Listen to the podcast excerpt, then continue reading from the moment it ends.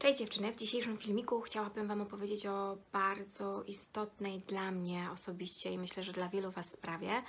Otóż jesteśmy na etapie, kiedy dowiadujemy się, że mamy raka e, i często ta informacja już tak nas zwala z nóg, że nie wiemy, co robić dalej. Trudno się nam poruszać w gąszczu tych informacji, e, wszystkich danych, które pojawiają się w internecie, statystyk, dobrych rad naszych znajomych, przyjaciół, e, nieskończonych wizyt lekarskich. Jak się w tym wszystkim odnaleźć?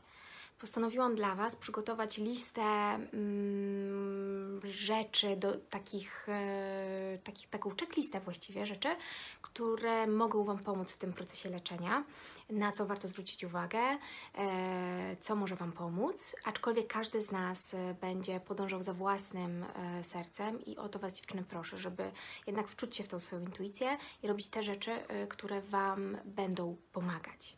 A więc co? Zaczynamy. A zaczynamy niewątpliwie od dobrej diagnostyki. E, Sprawdzałam standardy Polskiego Towarzystwa Onkologii Klinicznej i też Polskiego Towarzystwa Chirurgii Onkologicznej i tam, żeby być pewnym, że jesteś, jesteś dobrze zdiagnozowana, musisz mieć wynik em, biopsji gruboigłowej, ewentualnie mamotomicznej. Czyli jeżeli masz wynik biopsji cienkoigłowej, to nie jest wynik według e, standardów tych dwóch instytucji, o których mówiłam wcześniej, miarodajny. Także dziewczyny, zwracamy uwagę na to, czy mamy wykonaną biopsję gruboigłową i czy mamy wyniki, e, pełny wynik histopatologiczny.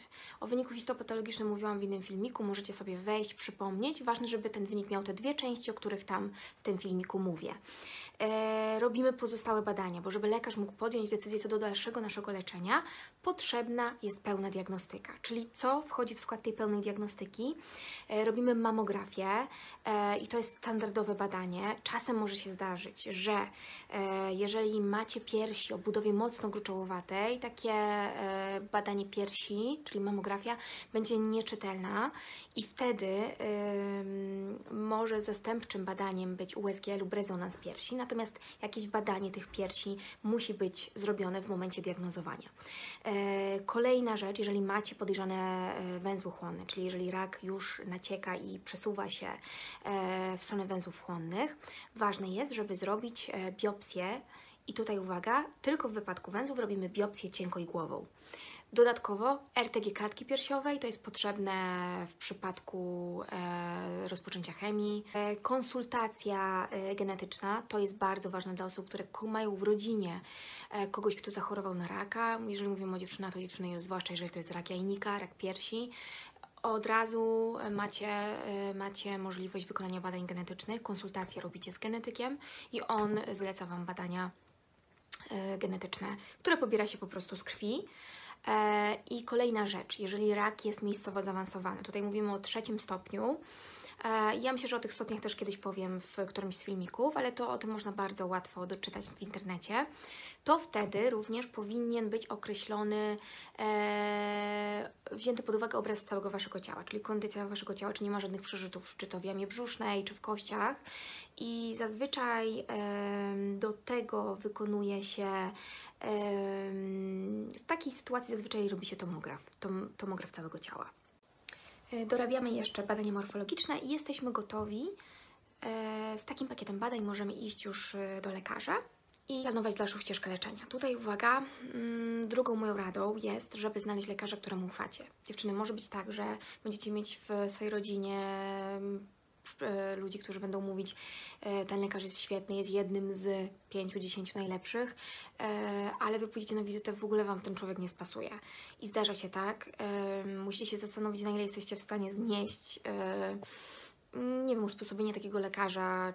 Wiadomo, nie, nie chodzi też o to, żeby mieć lekarza, który będzie Was głaskał po, e, po, po plecach i trzymał za rękę, bo, bo, bo to nie o to chodzi. Natomiast to musi być ktoś, z kim chociaż jednej pięćdziesiątej się utożsamiacie, albo jesteście w stanie jakoś e, złapać e, jakąkolwiek relację i na to Was namawiam, bo może to równie dobrze być lekarz, który będzie z mniejszego środka, a będzie świetnym, świetnym specjalistą i będzie super empatyczny i, i, i to Wam na ten etap wystarczy. Ważne, żeby podążał z trendami, czyli wiedział, co się dzieje w onkologii i żeby to leczenie, które Wam proponuję, było zgodne ze standardami światowymi. Kolejny etap to omówienie Waszego planu leczenia z lekarzem, którego już wybrałyście wcześniej.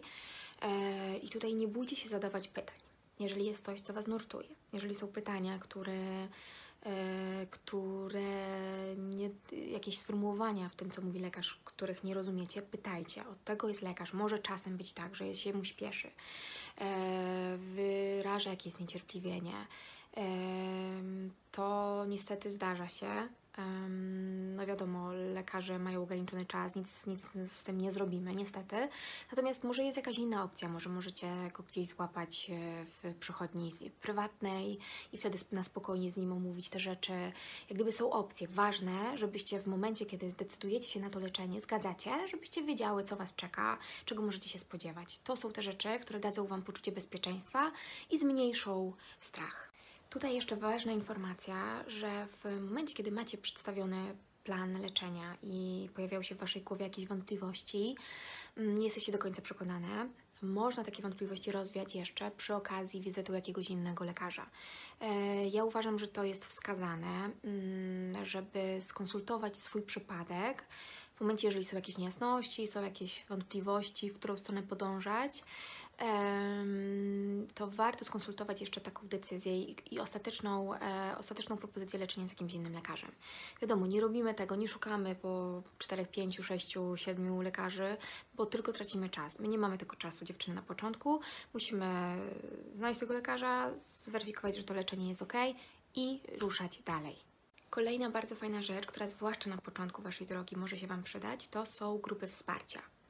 E, Ja osobiście korzystałam z dwóch grup wsparcia. E, Są to grupy zamknięte facebookowe. Uważam, że są świetne dla dziewczyn, które dołączają do grona e, Amazonek, tak, tak je nazwijmy, tak siebie nazwijmy. E, I polecam ja osobiście dwie grupy. Jedna to jest grupa Amazonka Życie po diagnozie. E, Świetna grupa, która, w której są dziewczyny na każdym etapie leczenia. Te, które zakończyły, te, które dopiero zaczynają, które są w trakcie. E, Grupa jest mocno wspierająca i daje dużo merytorycznych informacji. Oraz druga grupa, e, chirurgia piersi nie jest mi obojętnie. To jest grupa, która działa przy Fundacji Omea, Omea Life i jest grupą merytoryczną, bardzo fajną, też wspierającą, ale bardziej skierowaną na e, chirurgię piersi, na możliwe opcje, e, metody stosowane w nowoczesnej chirurgii piersi. Także dziewczyny, jeżeli jesteście już na tym etapie po chemii przed operacją, warto się zaznajomić z tą grupą i też zadawać pytania. W tym czasie, kiedy jeszcze czekacie na wyniki, e, pozostałe wyniki em, swoich badań, e, jesteście przed konsylium i zaczęłyście leczenia, mm, dobrym, e, dobrą radą jest, abyście zajęły jakoś swoją głowę. Jeżeli macie rodzinę, no to problem z głowy, czas jest zajęty, wypełniony na maksa. Natomiast jeżeli gdzieś tam jeszcze macie jakiś czas, czujecie się niespokojne wewnętrznie, siadł Wam nastrój, e, to warto sięgnąć po dobrą lekturę. Mm, Możecie też mieć problem z tym, żeby skupić uwagę na początku przy czytaniu. Ja tak miałam przez pierwszy okres leczenia. Nie byłam w stanie czytać, nie mogłam sobie w ogóle jakby zebrać myśli w momencie czytania i się skupić. E, Natomiast e, dla, dla tych z Was, które mogą to zrobić, to zdecydowanie sięganie po mądrą lekturę jest czymś, co Wam pomoże. Mm, Wiadomo, uczulam Was dziewczyny, nie szperajcie w tym internecie, nie, nie szukajcie za dużo informacji, statystyk, e, to nic nie daje tak naprawdę, a tylko będzie potęgowało Wasz strach. Chodzi o to, żebyście sięgały po mądre lektury, czyli takie, które będą pokazywały, że istnieje życie po raku, że, że rak to nie wyrok.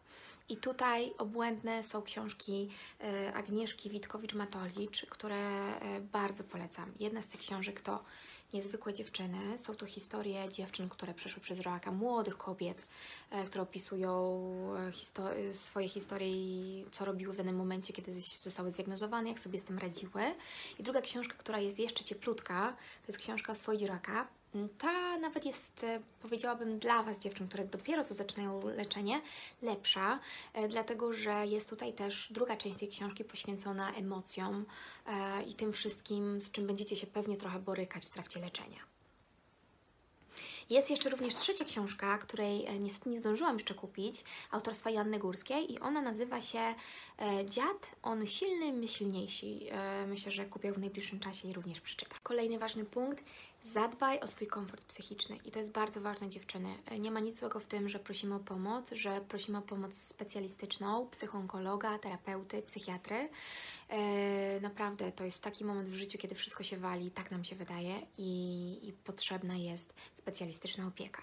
A więc, jeżeli macie problemy z zasypianiem, e, jeżeli, jeżeli czujecie ogólnie spadek formy, ale przez dłuższy okres czasu, e, jeżeli jesteście płaczliwe, pobudzone, zdenerwowane, wkurzone, e, wszystkie te rzeczy, porozmawiajcie o tym z Waszym onkologiem. On może wystawić takie jednorazowe skierowanie do Centrum Psychoonkologii. Przy każdym większym instytucie onkologii, e, czy tam Wojewódzkim Centrum Onkologii działa Centrum Psychoonkologii. Tam można iść z tym skierowaniem od onkologa.